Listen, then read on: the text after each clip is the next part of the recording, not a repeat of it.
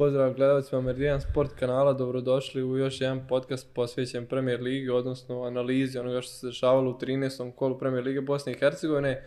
Ponovo u ovom starom, starom okupu Stefan i ja, mene nije bilo tu, mislim, dva snimanja, sad, sad sam tu ja. Dobro, sad, sad je rešeno, sad imamo to pojačanje, drugi klubovi redakcije dovodili nešto, ali nije to to. Nije, nije to to, Tu da. si nazad, dobrodošao opet sa nama i... I ono rezultat 0-3 na kraju, poslije Naravno, tri pa lajka, dobro, tri Rezultat je, ovaj, trend je dajali vječno što kaže trci ide, tako da polako. Hoćemo, hoćemo komentarisati nešto drugo ili to što hoćemo komentarisati to što niste spomenuli da je Bera pogodio prošli put 5 od 6.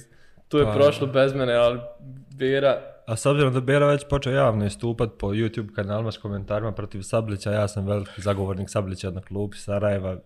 Ne Ti mogu, ne mogu Beru spominjati, samo anti-reklamu mogu raditi u ovo vrijeme.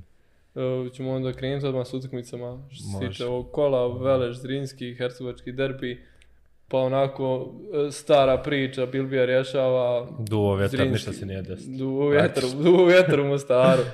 A dobro, ono, pored toga što se ni, i ništa je nešto što se kaže. Pa ono, jeste, pogotovo iz pozicije Zrinskog, mislim, ono, sad jako je bitno koliko god to ono flosku latitično zvučalo, jako je bitno pobijediti utakmicu koji ono, ne igraš ništa specijalno, ni protivnik ne igrao ništa specijalno, Velež imao po meni samo taj problem što je svu svoju energiju usmjerio na to da se odbrani od Zrinskog i to je jako dobro radio, mislim, tokom cijele utakmice sprečava ono što Zrinski inače radi, ali mislim, utakmica se igra i za golove i za nešto naprijed, pogotovo s obzirom na poziciju Veleža na tabeli.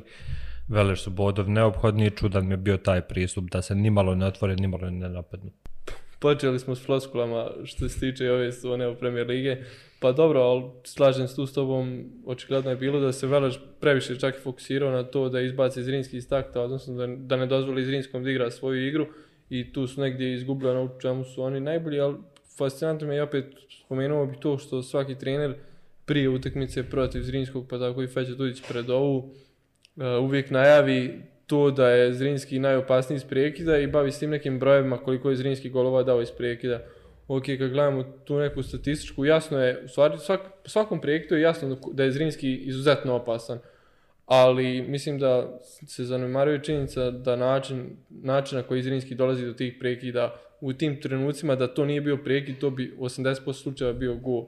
Tako da mislim da je malo i pogrešno s te strane reći da je Zrinski najopasniji iz prekida jer e, Zrinski je najopasniji iz igre, mislim, Zrinski najopasniji kad ima loptu. Zrinski je najopasniji kad ima loptu, da. I mislim da je trenutno uh, Zrinski, pored toga što igra najmoderniji futbol u Premier League, da je uh, 90% igrača Zrinskog brže i uh, startnije, odnosno na to ima i do fizičke spreme Pa. i, do, i do same karakteristike igrača, ali da su i brži i startniji od većine kolega svojih iz drugih klubova. Da. I to im donosi najveću prednost. Mislim, oni su u svakom duelu ko prvog dodira s loptom slobode čuvara za pola metra, imaju tu neku startnu prednost i onda je puno lakše igrati i dolaziti u, priliku da je iznudiš prekid i da stvoriš priliku. Pa vidiš i ta re- reakcija Zrinskog po izgubljenoj lopti na kraju kreva Zrinski, možda jedina ekipa u ligu, stvar sigurno jedina koja nikad ne ide u povlačenje po izgubljenoj lopti, već imaju jednostavno tu energiju i taj impuls što kažeš startnost da odmah napadaju iz te izgubljene lopte, tu čak ono imaju brojčanu neku prednost.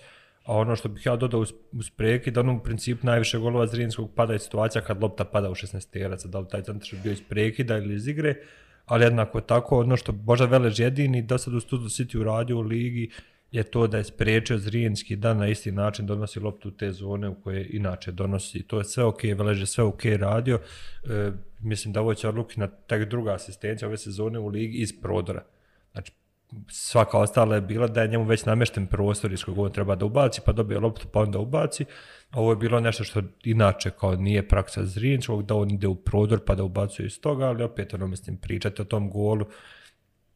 Prvo samo kašnjenje tu na zatvaranju odluke, pa onda nepravovremen izlaz u blok na centar Šutradovca i onda samo početna pozicija Bogdanovića u reakciji da ne pričam poslije na tu loptu. Mislim, čovjek je stao na prvoj stativi, Čorluka ubacuje malte ne iz kornera, znači ne postoji opcija da šute na prvu. Bilo je tu i negdje nesporazumijevanje i nekomunikacije između štopera i Bogdanovića, jer s obzirom da su tu bili ob- obojica štopera i Zvonići, koji je već bio Zeljković, a bil bio sam na drugoj stativi. Praktično ni onaj, jedan, ni onaj igrač koji je ušao s prve stative nije bio čuvan od strane štopera, tako da dosta loša reakcija čitave odbrane i Veležak od tog primljenog gola, ali opet ono što sam primijetio je da je, mislim da je u, u ligi trenutno ne postoji klub koji, koji može braniti Zrinski u igri 1 na 1. Da, da, pa Zrinski ono definitivno, mislim, čak ovaj, imao sam danas toku dana neku raspravu sa Berom našim oko individualnog kvaliteta igrača, pominjano Zrinski individualno čak daleko najkvalitetnija ekipa. Ok, mislim, da se tu raspravljati, mislim, Berin argument je bio koji igrač je igrao, gdje, mislim, kakve veze ima gdje je igrao, ako ti on sad daje više, a praktično igrači Zrinskog, svi u, u svom domenu, na svojoj poziciji jedan na jedan, su puno uspješniji u direktnim duelima sa protivnicima iz drugih ekipa i puno lakše to rješavaju, tako da ono, Tu se da raspravljati jedino onda koja ekipa ima najveće karijere. Pa, Tu, tu Da, neosporno nije Zrinski ali u prvi. ovom- da, u ovom trenut- trenutku trenutno- Zrinski to rješava Da, da, trenutno je u formi individualnom kvalitetu, negdje otprilike jeste Zrinski u, u vrhu. Dobro, ne znam sad koliko možemo govoriti o indi- u individualnom kvalitetu, koliko možemo govoriti o trenutnoj formi. Moguće je da jeste kvalitet, ali još je, mislim, Pa da, a, a, rano a, a kad im uzmeš ono bilo koji statistički parametar tipa ono po e, Insatu Jakovljević dugo bio najbolji igrač lige po Insat indeksu, sad je opet iz Rinskog. Pa eto, je- mislim da je to najbolji pokazatelj koliko Insta stvar nekad koliko statistika nekad zna plavati, ok, mislim. ok, a- ali broj centar šuteva, na primjer, ono, prvi je Ćorluka, drugi je e, Bekić i onda ima za duplo manje sljedeći treći igrač u ligi po broju centar je Tičinović. A ima duplo manje od Ćorluke i od Bekića. Mislim, ono, ogromna, ogromna razlika koliko ti igrači donesu statistički na terenu, ono, možemo se mi pretvarati da je statistika tu nebitna i ono, korist neke izreke nekih trenera od prije 300 godina, ali činjenica da od veću šansu imaš dat gol ako igrač uputi 10 centra šuteva nego jedan, tako da. A kraj krajeva nije vjetar gurao tu loptu, nego Nemanja Bilbija je opet koji je iznačio rekord. Stvarno pomjera sve granice. Da, mislim, ono, svaka čast i ne znam, on ne može nas više iznenađivati, šta god da uradi Bilbija ne može nas više iznenaditi, tu je, znamo njegov kvalitet i ono, samo mu želimo da Mene bi, mene bi iznenadio samo da ga pete zovne i da odvede Bosni i Hercegovinu na svjetsko prvenstvo. Pa, dobro, U tom slučaju to bi rekao da se- iznenadio. Tu ćemo vidjeti, nameću se i drugi neki igrači prezentaciji, pa.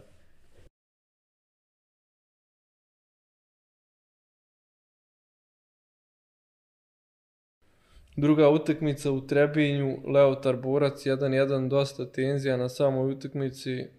Mm, Ne mogu reći da je bilo malo futbala, odnosno tenzija. Igralo se i futbala. Leotar, Pa igralo da se u prvom trener prije bilo 20 super godina, muška utakmica. Da, ali... Da, u prvom poluvremenu. ok, više. ali prvo, prvo poluvreme je bila ono čak jako korektna Da, utakmica. da, da. Leotar ima jasan plan da znači samo iz tranzicije napada, to ok radi, ima dobre individualce koji čak u posljednjim trećinka prime lopte okružen dvojicom rješavaju dobro.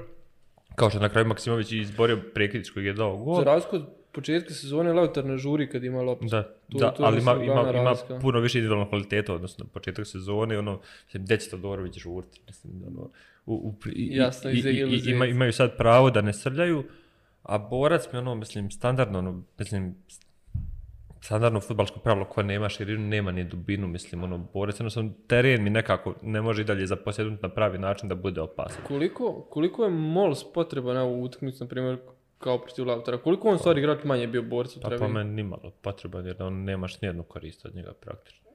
A on je tu konstantan, evo pojavio se zadnjih nekih 5-6 utakmica. Mislim, meni je apsolutno u, u situaciji kad si pustio Vojnovića na, na štopera i kad imaš Jovanovića, dva igrača koji jako dobro otvaraju igru, u posjedu ti je apsolutno bespotreban bilo koji drugi tip veznog igrača osim ofanzivnog. Imaš, imaš vesnog igrača koji, koji je tu da kvari igru protivnika koji neće razvijeti igru protiv tebe.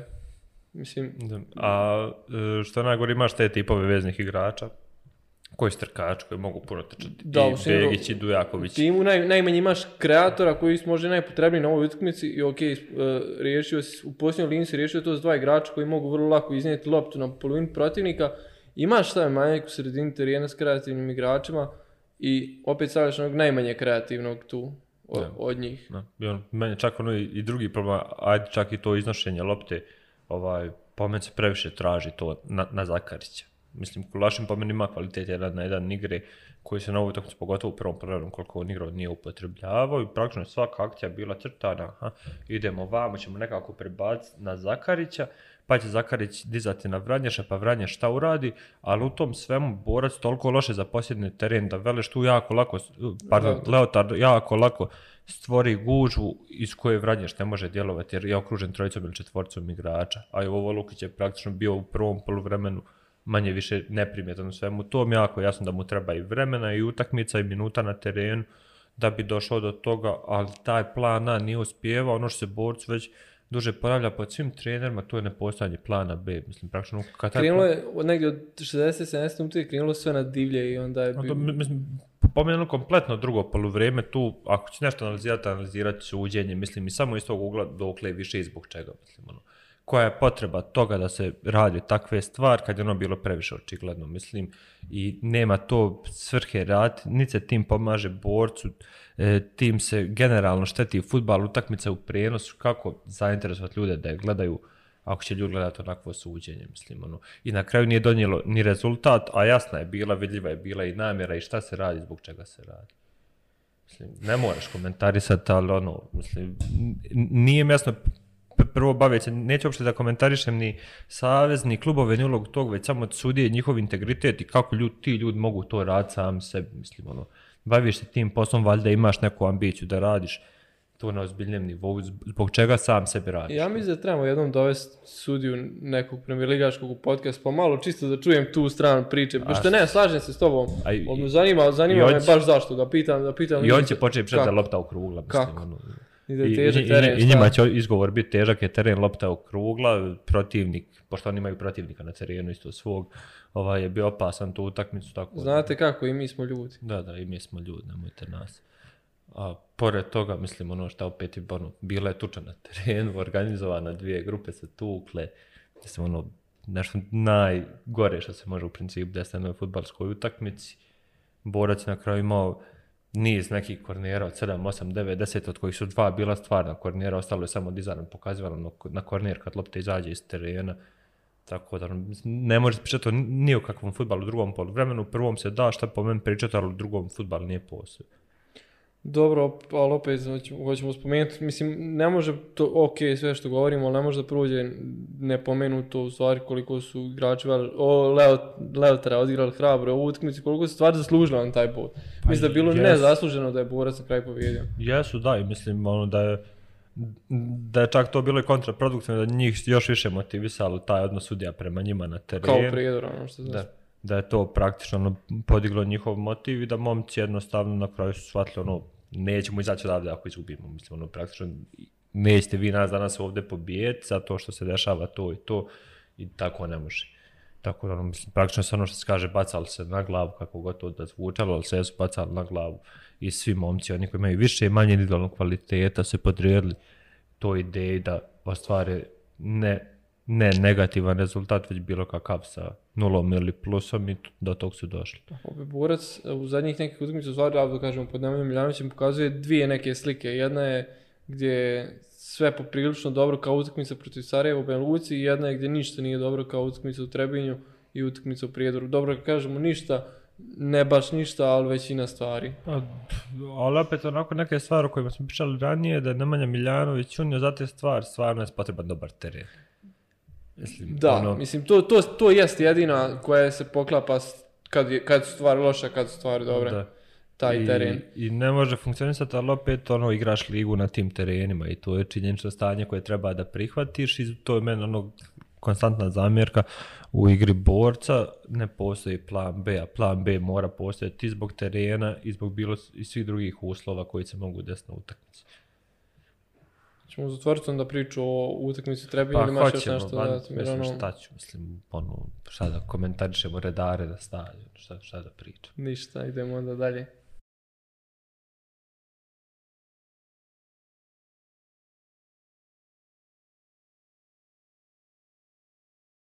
Sa lošeg terena u Trebinju idemo na još gori u Tuzlu, Sloboda Radnik 3-0.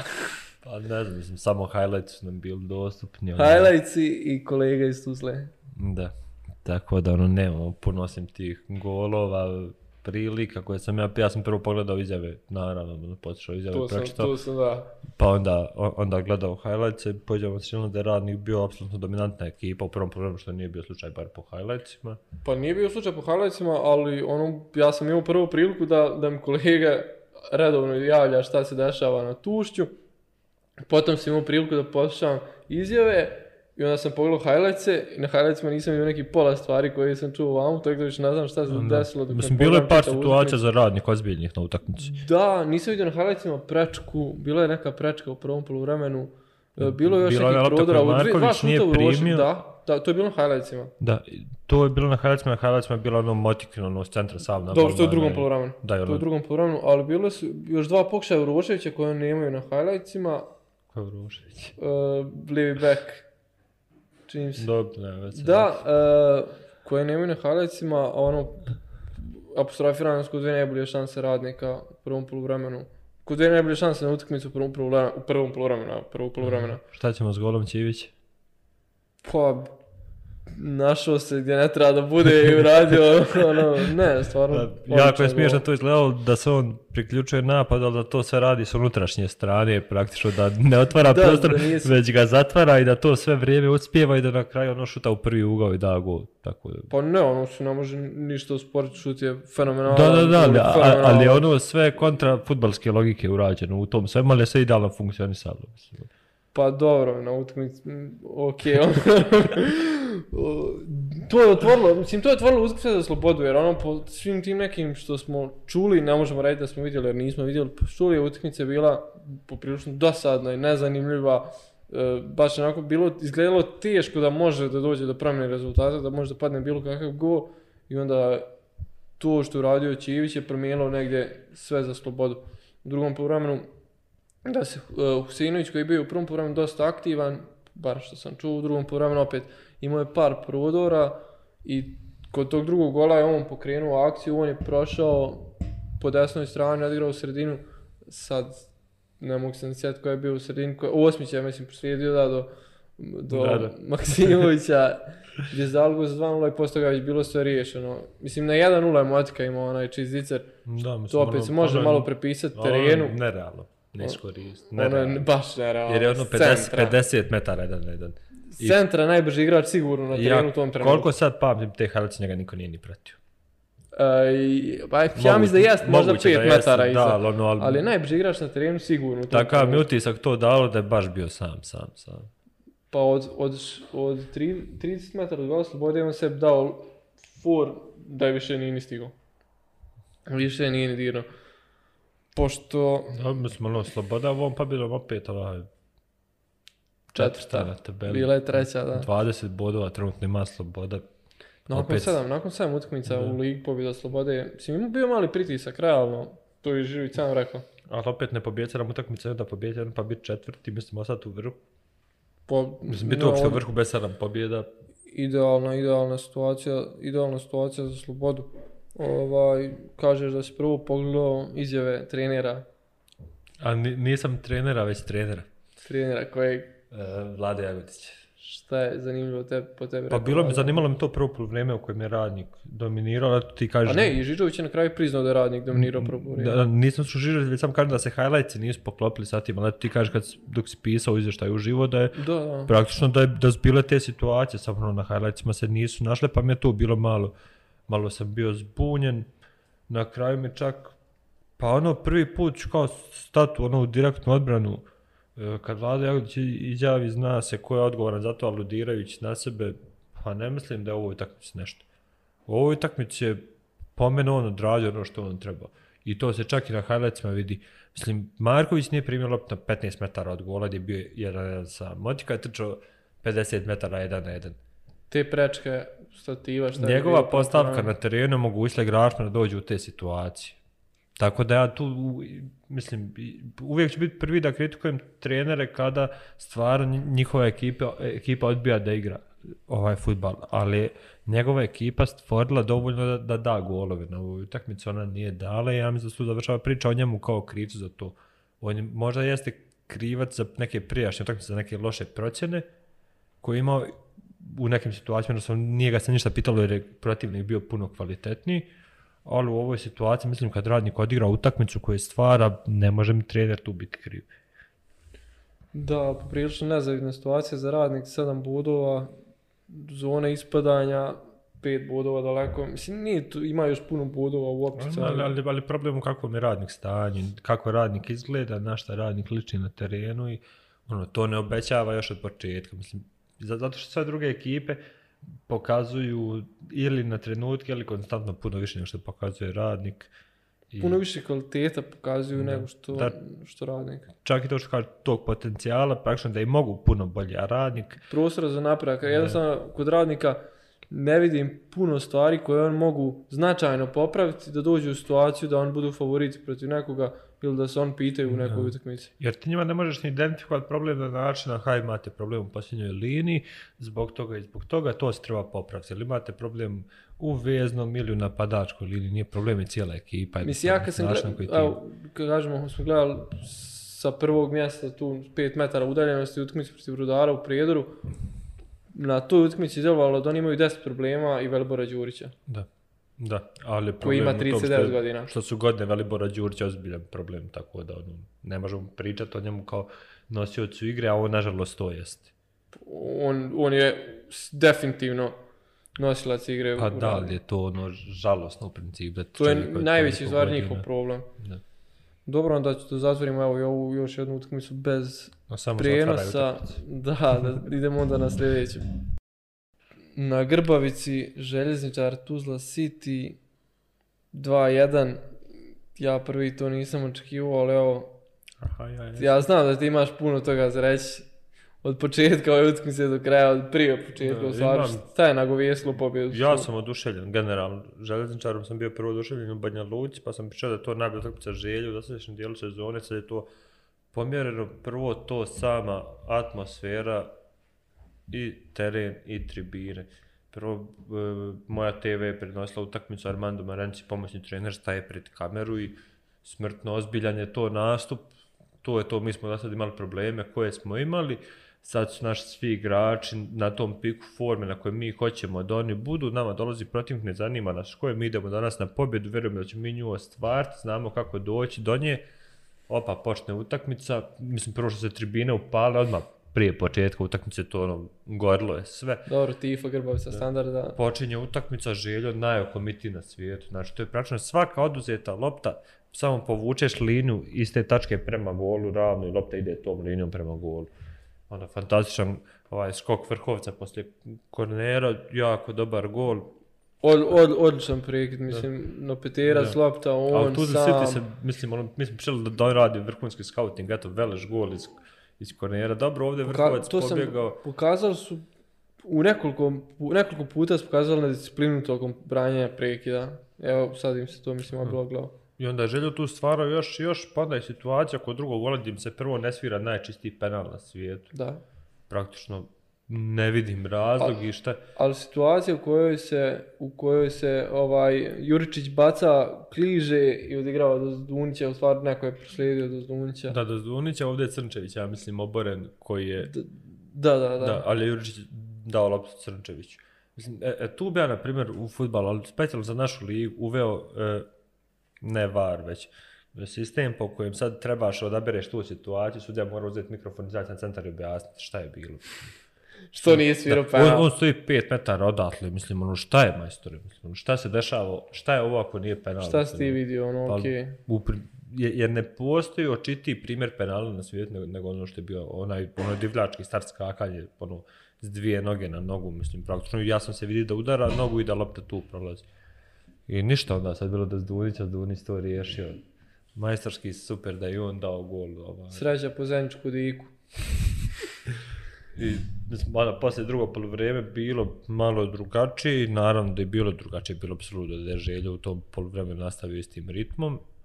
E, pustili su loptu, organizovano se branili, njihovom srećom primili su jedan, možda su mogli primiti više, ali možda su mogli dati u prvom polovremenu više u principu jako, jako realan rezultat odnosno prikazu, na kraju odličan gol Džafića, ali to je ono što se željezničar ponavlja, takav gol slobode. Takav gol slobode, isti, isti, identičan, da. Ne, ne, izlazak u blok u tom prostoru, ali u tom u, to, u obe situacije iza lopte je stalo 5-6 igrača i jedan je morao da bude u bloku. Nije situacija da stoje trojica. Da, i Bender je bio zaklonjen, možda i loše postavljen. Uglavnom loše postavljen. S- Uglavnom Miškić postavljen. e, koga ćemo na gol Bendera. Pa bio mi ono, kao, mislim, bilo, nije, nije bilo toliko lako za preko najprije kolma za ovo kolo, zato što ono, ali na kraju smo Na kraju smo se odlučili, dobro, to nešto malo kasnije. Ne, to čuvamo za kraj. Tako da, ono, to je moje o, o, o Grbavci, pohvalio atmosferu na, na poluvremenu na Grbavcu, ono je lijepo vidjeti. Veliki broj ljudi koji plešu, Alisa. Alisa, Sanja, majka se zove Sanja, pozdrav majko, šta ima. Samo što su promijenili sa njim u želju. A dobro, nebitno to, to nećemo ni zamjeriti, ali jako lijepo vidjeti A dobro, dobro ja atmosferu, se- realno, ja se ne ljude. Ja kad sam gledao, naježio se na početku kad je moja TV pustila fino, što je tako i treba ako ono lijepo kad Liverpool igra, kad se pusti u nebo kolonu da se pusti ljudi grbavicu, mislim red je. Pa jeste, mislim, ono i lijepo je gledati te slike sa stadiona jer ih nema puno nažalost kod nas, a će biti što više i sa što više stadiona. Tuzla City sa utakmicama na Pecari, sa utakmicom na Grbavici, pa dobra, ajde Remi sa Sarajevo manje više ne može se ubrojiti u te dve kategorije. Poprilično ispod nivoa Zrinskog, nije tako djelovalo, bar na utakmici Zrinski i Tuzla City. Pa on svako čak je djelo ono prije protiv Veleže ako smo ali smo pobijedili Da. to dva gola Da, da, da, da, čak više nego protiv Sarajeva gdje je bilo nariješeno. Da. Um, tad, ja sam to očekivao iskreno, jer mislim da City ima puno individualnog kvaliteta, ali nije na toliko, nije ona dominantna koliko je Zrinski dominantan. Nije Da, nije dominantna, ne igra uopšte, ne pokušava istu Pa- igru što Zrinski Da, mislim, pokušava. više je to uvijek prilagođavanje protivniku, ali kad se prilagođavaš protivniku uvijek trebaš sada tu na nekih 50-50 jer se protivnik prilagođava često tebi i kad se prilagodi on tebi onda sa 50-50 manje više. Jer ti zapostavljaš ono što ti imaš i naravno da, da je puno teže njima bez Nukića koji ono stvarno puno znači Da, u, u tom ofanzivnom dijelu, ali mislim, opet je ispod tog nivoa borit ćemo se sa Zrinskim. Po meni ovaj, ovakav Zrinski puno bolje od ovakve Tuzla City. Pa, op, mislim, uvijek se na to dosta različito, dosta različit stil futbala igraju i jedni i drugi da bi ih poredili. Ako bi uopšte uspjeli, mislim, ako gledali samo ovo prošlo kolo, onda je Tuzla City ispod nivoa, daleko ispod Rinskog, ali opet mislim da je ovo bio podbačaj Tuzla City, da je ovo bio strašno, mislim ne strašno, da je bio loš dan, kao što je bio loš dan protiv što je bio loš dan i protiv Veleža gdje su pobjedili, ali se evo taj loš dan ponavlja iz kola u kolo skoro, što on mora iskorijeniti što prije da ne bi ušli u tu neku krizu, a u ovom trenutku s ovim Zrinskim, ovo nije Zrinski ko što je Sarajevo prošle sezone da će prokuckati neku veliku prednost. Zrinski neće ništa prokuckati. Mislim da, da zato da nemaju pravo da propuštaju više Da. bodova, je bar na taj način. Jer ja mislim da će Zrinski u ovom ritmu nastaviti osvajati bodove do kraja. I praktično da će pobjeđivati isti, znači da će u svakih od, od 11 kola ta tri osvojiti jednak ili približan broj bodova, da to može odstupati u minus 3 najviše, da ne može Od više. prilike ja to mislim baš zato, baš zato kažem da Tuzla City ne smije više prosipat bodove na način koji, mislim nije prosipanje bodova na Grbavici, ali, Pa nije. ali kad se to ponovi Da, i sa Pecari i sa Grbavici, a ali ti planiraš svoj titulu, to je već prosipanje Ali, bodova. ali je prosipanje bodova u kontekstu prošle 11 kola i sad si odigrao dva iz ovog dijela i koliko za zbod, jel? Ne, kako sam E, prešao? pro- da, ali oni su igrali s Sarajevom 1-1 i sad, Da, uz zbodu 3 praktično. Da. Tako da ono, ne znam, ne može tako. dobro, ajde onda ostaćemo, ostaćemo ove kandidate za titulu smo prošli. Idemo, na, idemo sad na još dvije utakmice ostale, ovi kandidati u donjem dijelu tabele da pozdravimo našeg kolegu Čirkog Brijega što se bore za opstanak.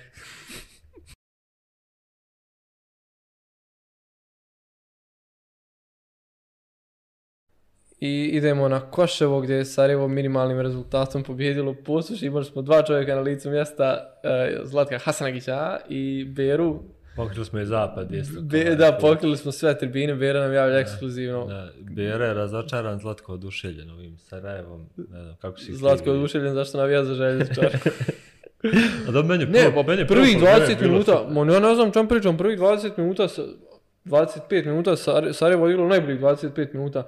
Mislim, lakoću kako su rješavali sve situacije na 25-30 metara od gola, kako su dolazili do 30 metara od gola, kako se, Ahme, koliko Ahmetović znači u igri, Ahmetović koji igra centralnog napadača, kako dolazi na centar, kako se spušta, kako tu prave višak igrača, kako uh, brzo odigravaju te duple pasove kad on i kad se on nalazi da to je negdje poziciji centralnog napadača gdje služi praktično tu kao neka Martinela i gdje on ostavlja lopte i Kapić i Kobiljar koji je izuzetno agilan bio u prvom poluvremenu. Mislim, meni je ovaj prvi gol, mislim, jedini gol Sarajeva na utakmici, praktično, ali bilo još slično. Ali ne, oni su, izvini, molim što te prekidam, u, u trećoj minuti imali identičnu situaciju kao kod A da. gola gdje je Ahmetović poslao Kobiljara i ne mogu se pobjegla mu je lopta A da, imali dvije, tri slične situacije Da. gole. u tih I, 20 I minuta. po meni je to taj šablon po kojem Sablić to hoće da radi, ono što sam rekao kod borca, kad nemaš širinu, nemaš ni dubinu. Sarajevo upravo u tih prvih 25 do 30 minuta držalo tu širinu terena i ono omogućilo da ta dubina bude prazna. Jer praktično ti opteretiš protivnika da čuva širinu, ne može on pokrivati širinu i dubinu. I tu se omogućio sebi sa Ahmetović čim se spusti, znači ne može se Ahmetović spustiti da ne povuče igrača za svom. Ahmetović se spusti, Kapić uđe u sredinu, a Šabanović je imao onda dosta prostora na desnoj strani i gdje je dosta ofanzivan bio i oni su uvijek imali praktično više igrača u završnici nego što je Pusić imalo u odbrani i svaka lopta između štopera, između štopera i beka je prolazila tako lagano da su onu uvijek se ukrštali, uklinjavali onako i išli prema golu i praktično su imali tu situaciju da daju tri gola i da riješe utakmicu. Dali su samo jedan gol i onda pošli da se razumijemo, pošli 90 minuta nije igralo futbal, je igralo futbal 20 minuta, 70 minuta je bilo antifutbala na toj utakmici, ali iz neznanog razloga, mislim Sablić kaže na kraju poslije utakmice da se oni povukli po, poslije te 20 te minute 30 su pokušavali, da se nisu svjesno povukli, nego da se povukli pod pritiskom. Samo ja taj pritisak nisam primijetio od Pošića, da je Pošić imalo uh, Blagovića u centralnom napadaču koji nije ni jednom trenutku tog utakmice izvršio pritisak na štopere Sarajeva. A, ne znam, mislim, Mislim, par, par jedini- sam gledao utakmicu tu i, i široki rudar, pa ono, ni, nisam baš vidio sve detalje, ali sam vidio u tih početnom periodu je Sarajevo predominantno, ali na kraju mi je djelovalo zadnjih 15 minuta gdje sam malo aktivnije gledao, gdje se stvarno umrtvilo na široki rudar, da je, pa da je bilo onako kao u pojavljivanju u zadnjoj trećini podjednako opasno, ali opet i tu Sarajevo bilo konkretnije kad se je bilo nasativac Miljanića iz slobodnog udarstva, na kraju krajeva bilo je dva crvena kartona posuše. To, to je zadnjih 5 minuta bilo, da, ali, Ok, pr- ali prvi crveni karton za Landu koji je dobio dva crvena kartona zbog prigovora. Dva nije, žuta, da. dva žuta, dva žuta kartona dobio zbog Da. prigovora, nije Ali nešto Barišić što- crveni karton bio sprečavanje na jedan. Da, s igračem, sa već igračem više. Mislim, ono, i to je, to je relevantno sve, ali opet, da izmijemo taj prvi crveni karton je došao zbog prigovora, nije došao da ga je Sarajevo iznudilo. Pa ali- dobro, opet to meni nije loše Sarajevo, ono, cjelokupno gledano, jer je postoje period igra u kojem je Sarajevo bilo predominantno. U, U prvih je... 20 minuta. Dobro, ali je Sarajevo u tom periodu igre kroz tri dodavanja dolazilo u jedan na jedan šansi. Ne, pa ja kažem, prvih 20 minuta najbolje je Sarajevo ove sezone, ali problem je što je to samo 20 minuta. Mislim, protiv neke druge ekipe rezultat bio 1-3 u toj situaciji. ali- Jel mora biti 90? Mislim, Ne mora biti 90, ne ali mora biti, ali mora biti terenu. 60, mora biti Dobro, ali, 70. ali nije sam na terenu. ali poslije ništa nije prikazalo, osim, ništa, poslije ništa nije prikazalo, Sarajevo je prikazalo 20 Pa, minuta do, futbala. pa ne mora prema naprijed, mislim, ono, odvija Ni se. prema nazad. Pa onda bilo 10-0 da nije prema nazad, mislim, ono, logički gledano. Da, da je Sarajevo nastavilo sa šansama kao, kao u prvih 20 minuta. Pa ali on, on, su očigledno spriječili da ko- koriste tu dubinu na taj način na koji jesu. Jer nećeš ti odustati od nečeg što već ide. Mislim, ne znam, nisam stigao pogledati svih 90, to zašto igrali dvije utakmice u paralelnom terminu. Mislim, malo sam upaljen obe, ali sam gledao više široki rudar, zašto sam da ti gledaš. I jasno je bilo, jasno je bilo da ne mogu nastaviti, ne da ne mogu nastaviti, nego da tih 20 minuta prvih, jer je bilo prosto predominantno, da mora u nekom trenutku da spadne i bilo je očekivano to je nekih 25 minuta kad su on prestali da dominiraju, bilo je očekivano da se to mora desiti. Međutim, očekivao sam ja prvi da će oni, pa ako nisu već pred kraj prvog poluvremena ponovo se vratiti na tu dominaciju, da će se vratiti u drugom poluvremenu. Oni su od trenutka kad su izgubili taj neki model po kojem su dolazili do gola posušja, prestali nisu ga više nikad vratili, nisu pronašli drugi način da dođu do gola posuše, nisu e, na taj isti način nisu u drugom poluvremenu uspjevali da ugroze, da rade ono što su radili prvih da, 20 a, minuta. mislim, opet dolazimo do toga generalno, pored Zrinskog i Tuzla Sita, niko nema plan B u ligi, manje više. Pa to je taj nedostatak plan. E, mislim, ono, kad im spriječiš prvi, a prvi je ono ne teško, pošto pogotovo u, u prvom poluvremenu, onda imaš i tu 15 minuta priče između sebe, tako da plan A možeš neutralizovati, ali ono, očigledno da nedostaje plan B. A mislim da moram spomenuti još da je Sarajevo sa Lazićem u zadnjoj liniji dobilo dodatno neki kvalitet da se, da kažem, može lakše iznijeti loptu i on i da se e, lakše lopta prebaci u sredinu terena, da se lakše riješi taj neki pritisak kako je bilo na trebalo. posljednju liniju, što im je baš trebalo i to me isto oduševilo u prvih 20 minuta i onda je sve opet nastalo. Mislim, vrtimo se samo tih 20 minuta, jer tih 20 minuta je stvarno bilo Ok, dobro strane ono, Sarajeva. tri boda. I ono, Zvižduc navijača na kraju utakmice. a zviždavac istočne tribine, Koševa koja će zviždati da pobjediš 15-0, mislim da se ne lažemo. To ono, naj, naj, neugodnija tribina i za domaće i za gostujuće igrače, uvijek i zauvijek vjerovatno u Je Premier li. Bera uputio neki zvižduk? A ne znam, to ćemo ga morati, to nek pro, prokomentariš. E, Posuš je, pa i u ovoj utakmici možda pokazalo manje kvaliteta u odnosu na Sarajevo definitivno, ali možda čak i u odnosu na Premier ligu, da kažemo taj dva crvena kartona potpuno nepotrebna u zadnjim minutama, praktično izgubljena utakmica, znaš da ćeš izgubiti.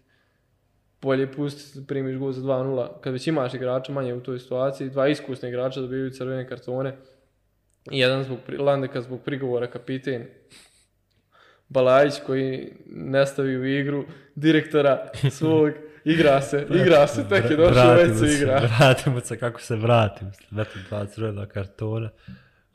Pa ono što je meni kao bilo čudno, to sam zapatio na kraju, da je Lauš kad je ušao, puno lakše su, ne opet dolaziti prema naprijed, ali puno lakše radili distribuciju lopte po osvojenoj lopti, bar izlazili iz tog nekog pritiska početnog što je Sarajevo moglo stvariti. Mislim, tad su dobro radili, nisam siguran kako su radili prije toga, ali mi je to onako malo bilo čudno da, da nije igrao od ranije. Milanović mi je bio dobar kad je ušao, mada na kraju ono, falio taj čist prostor za udarac, ali jako je dobro kroz, mislim da njegov glavni kvalitet je dribbling jedan na jedan i to je ok radio sa prvim do sebe, ali onda ga uvijek čekao još dvojica. Balajić pokušao sad sa Ilinkovićem ono što je pokušao sa širokog brijega, to sad nije upalo jer je Ilinković bio odsječan dosta u prvom poluvremenu i od igre sa loptom, a ni u defanzivi ga nije nešto bilo. Dosta je, kažem, lako je Sarajevo pravilo viški igrača na sredini terena, lako se rješavalo te situacije.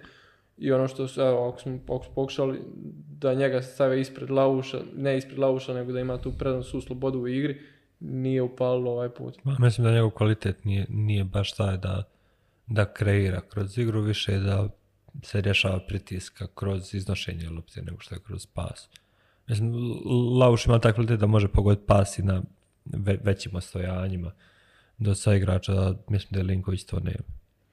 E, znam da, znam koliko u stvari ne voliš ovo pitanje, koliko je u stvari e, Sablić sad i sa ovim zvižducima, koliko u stvari na tankom ledu, ako je, mislim, ja ne znam, evo pitam A, tebe. mm, Zanima, zanimaju me, Pa vrlo je verovatno jeste, mislim, ali po meni nažalost jeste, jer a slijedi Ono. gostovanje Zrinskom.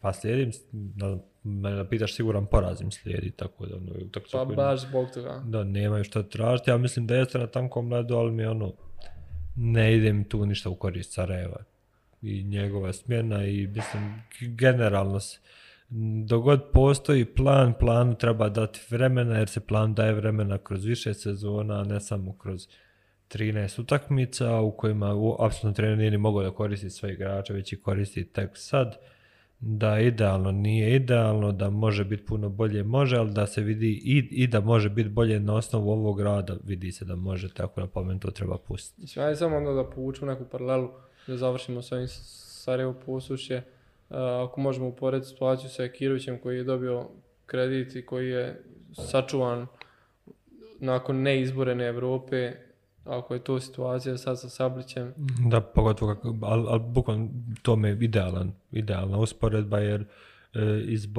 ne izboriti Evropu, Zrinskom i Sarajevo jednak neuspjeh. Definitivno. I vidimo šta je Zrinski dobio. e, Sablić će po meni ima isto potencijal da bude vrhunski trener na nivou onog što Jakirović radi, tako da Da ne zaboravimo, Sarajevo je treći na tabeli nakon ovog kola, mjesto koje garantuje Evropu. Da, i to Sarajevo kod nekih Moldavaca ispalo u Evropi. Ne previše teško, ne previše muke. Sarajevo koje ono, pred sezon se nije znalo ni ko će igrat, ni kako će igrat, ni ko će upravljati klubom, ni šta će, ni... Tako da ovo je puna šaka brade.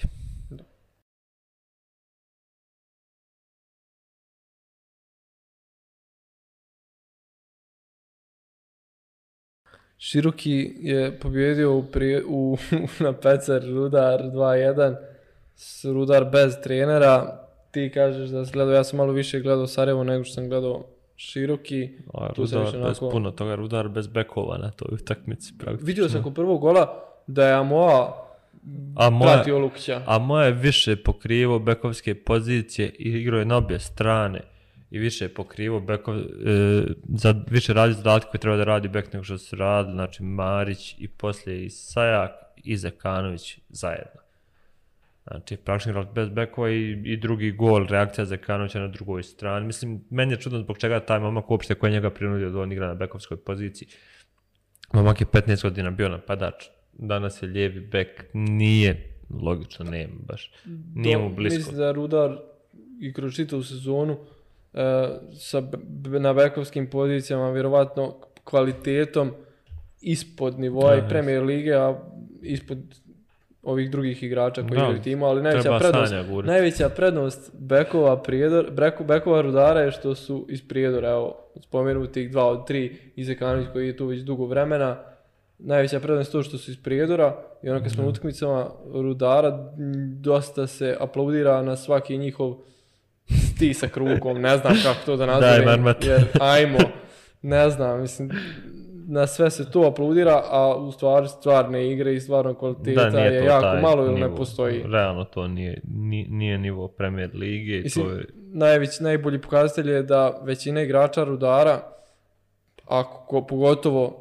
ofanzivnog dijela Rudara, će sutra kad ne budu u Rudaru igrati Premier ligu sigurno, minimalno u bilo kom drugom klubu, a on neće. Da, da, ma, mislim da on ne mogu igrati u drugom klubu osim Rudara i to je, to je činjenica, mislim, jako teško da će igrati u drugom klubu osim Rudara, čak su i štoperi tu, ok, danas Sadiku i Pavlović počeli, ali se vidjelo da i on moraju trpiti te stvari, da su previše prema tim bekovskim pozicijama i tu se on radili neke greške, ali jako daleko od pozicije na koje su u principu trebali biti, u kojoj se nisu trebali naći. Pored toga uvijek odlični Tonči Moja na ovoj utakmici, također dva, dvije ovaj, super asistencije, stvarno mu treba malo prostora. Rudar je opet dao smiješan gol, mislim, ono, slobodno dorast na 35 metara, Mandić se odlučuje da šuta ispod živog zida, odnosno praktično po zemlji. Miškić u toj situaciji odluči da postavi četiri igrača u živi zid na 35 metara pa da stane iza tog istog živog zida i da ne vidi loptu dok ona ne, ne dođe na 11 metara od njega i ono, ono prolazi maltene ono, jako blizu sredine gola. Tako da ono golo koji je spadalo, padalo su nekih individualnih grešaka, pored tog je bilo sadržajno na mahove, uglavnom ono što ističemo stalno preko tih krivnih pozicija kad se ekipe pojavljuju, da li je ovdje e, Klaris Marija Moja na jednoj strani, na drugoj Mujan, poslije opet super stvar, Ikić je igrao na kraju 20 minuta, što je ono, lijepo ga je bilo vidjeti na terenu, mada nije ni imao puno prostora, imao jednu situaciju gdje je pokazao da mu brzina i dalje na mjestu, ali, ali je- nije strpio taj duel koji je bio i on ne znam, mislim, to, to je manje više to, mislim, čudno je kad tako smiješni golovi padnu na utakmici. Komentarisati onda previše i, odnos snaga na terenu, kad je rezultat njih i pokazao, ali nije, nije trebalo da dođe do golova na taj način. Ivanković je najavio pozitivan niz širokog briga nakon ove utakmice s obzirom na ono što je on vidio tokom ovih mini priprema na reprezentativnoj pauzi. Da li, mislim, da li ova igra protiv Rudara nagovijestila njihov pozitivan zato ti, ti si više gledao tu utakmicu. Pa jes, ako će niz trajati tri kola, ako će ta tri kola igrati protiv Leoda, Leotara radnika i posluše kući. To, te, to, to je glavno pitanje moje, ono, da li su pokazali nešto što ih izdvaja iz sredine pa tabele? Nije uopšte ovakav široki, nije konkurentan nikome koji je iznad njih na tabeli.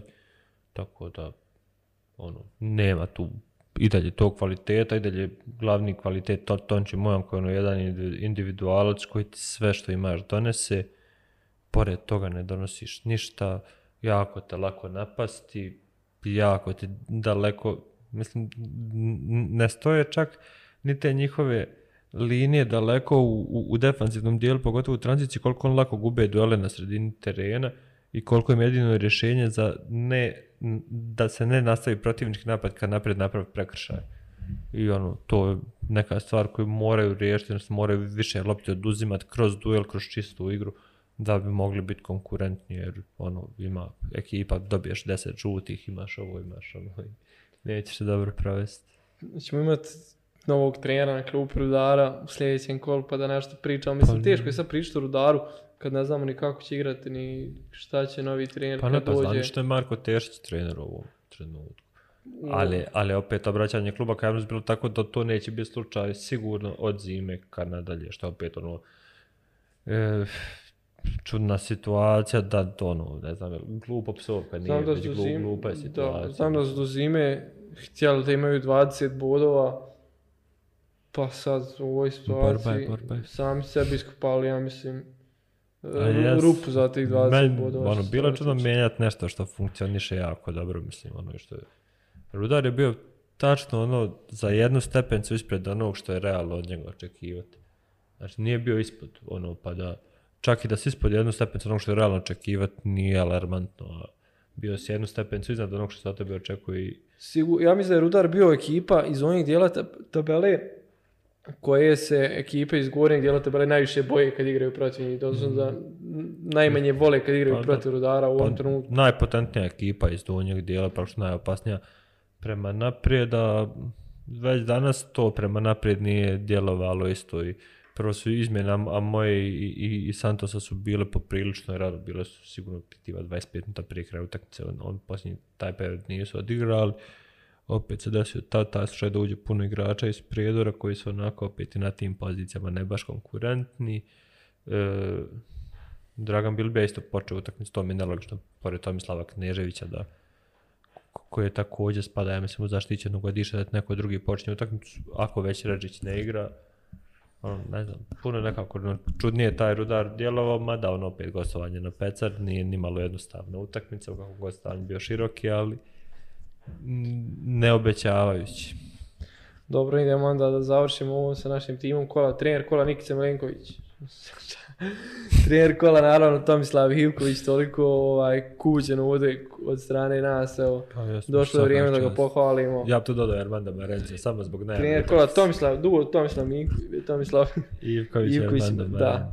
Svaka čast ljudi, odlično posljednje dvije utakmice. Onda a, na golu Mićo Vukanović, e, hercegovački Pa, sin. niz dobrih reakcija stvarno protiv borca, držao je taj rezultat aktivnim. Od prve odbrane kada je Vranješ glavom na početku samo kad Da. je bio offside. Da bi offside, Ali ono praktično već viđeno u ali golu. odbrana bila vrhunska. Da. stvar. To ga je podiglo pa sve onda poslije Da. za jedan od najzaslužnijih Da, mislim- za taj bod Lautara. Praktično ono i gol koji prime prime iz offside tako da ne možeš mu. Na štoperskim pozicijama Slobodan Koljović i Vedran Vrhovac. Vrhovac, mislim, kod prvog gola zaista odli- odličan napad prostora, odličan skok, odlična realizacija i pored toga u defanzivi poprilično dobar. Nije bilo neki, mislim da on sigurniji štoper u ovom trenutku. Drugi štoper Slobodan Jakovljević. E, ne može se reći da ima nešto pretjerano posla protiv Veleža, ali opet sve odrađeno na visokom nivou. Zrinski nije primio gol u derbiju. Ne šta puno dodati, jel tako? Ti dodaj ako hoćeš nešto.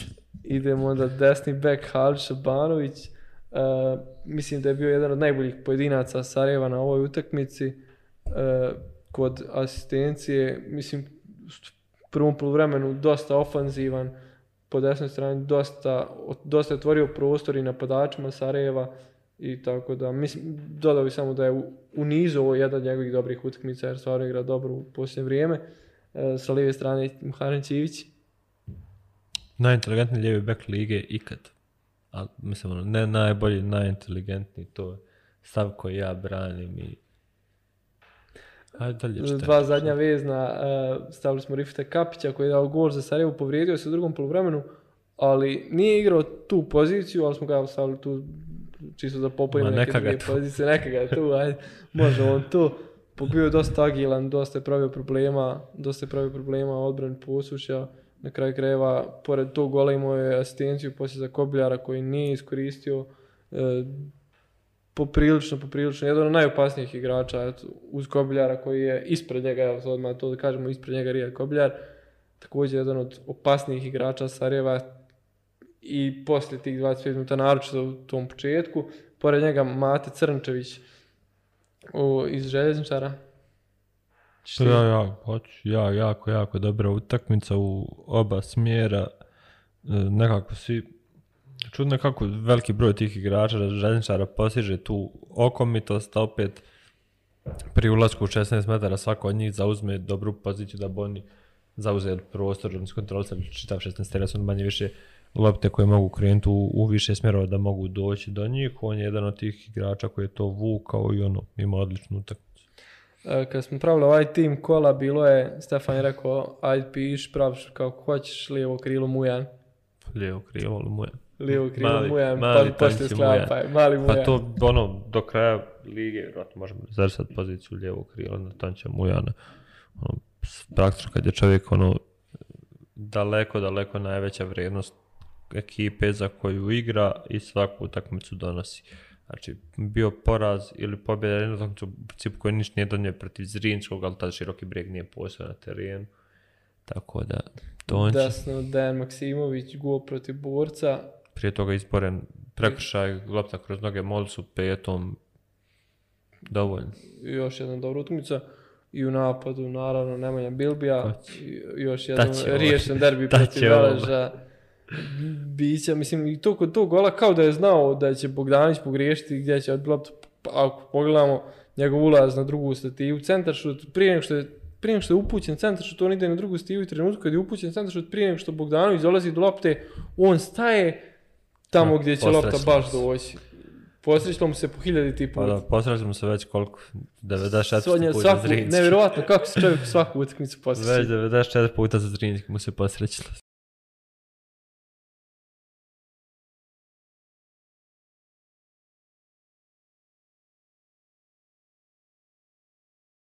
Evo onda, hoćemo onda završiti ovo kolo. Što se tiče, evo prošli smo, rekli smo i trener, trenera kola i tim kola. To je to. Ništa onda ostalo da nazdravimo i krenemo na sljedeće kola. Ajde, sve najbolje. Živjela Premier Liga. Živjela to- Premier Liga. Ostanite sa nama, čekamo, čeka nas najava 14. kola Premier Lige Bosne i Hercegovine, najbolje lige na svijetu.